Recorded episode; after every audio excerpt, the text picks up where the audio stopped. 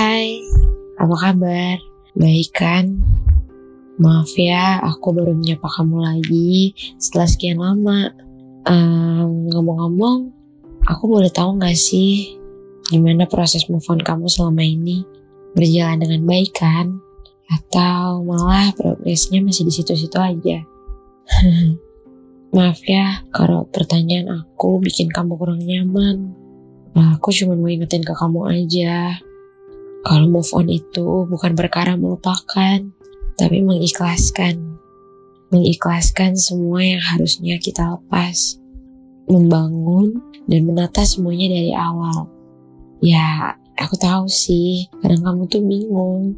Apa yang harus dibangun kalau nyatanya dari perpisahan tersebut gak menyisakan apa pun. Tenang aja, aku yakin pasti ada kok, walaupun serpihan-serpihan kecil.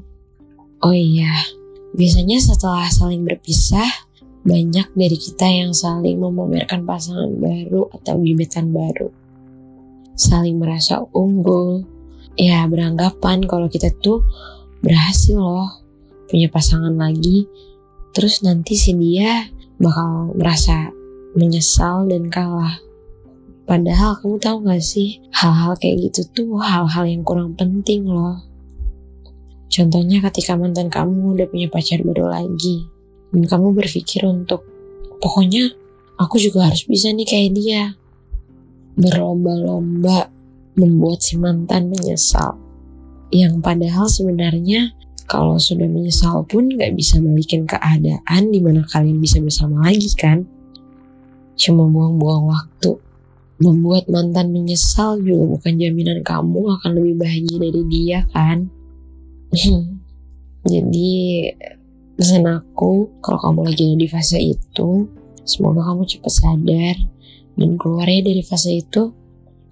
Mendingan kamu membangun diri kamu, mengevaluasi diri kamu, memperbaiki apa yang salah, dan terus berkembang. Karena ya kalau kamu sudah berusaha menjadi versi terbaik diri kamu, maka orang yang terbaik serta tepat juga akan datangkan ke kamu. Tak perlu buru-buru, mencari pasangan baru. Stop berpikir kalau bahagia bisa dicari di orang lain. Karena nyatanya bahagia itu diciptakan, bukan dicari. Dadah, sampai ketemu lagi ya di podcast selanjutnya.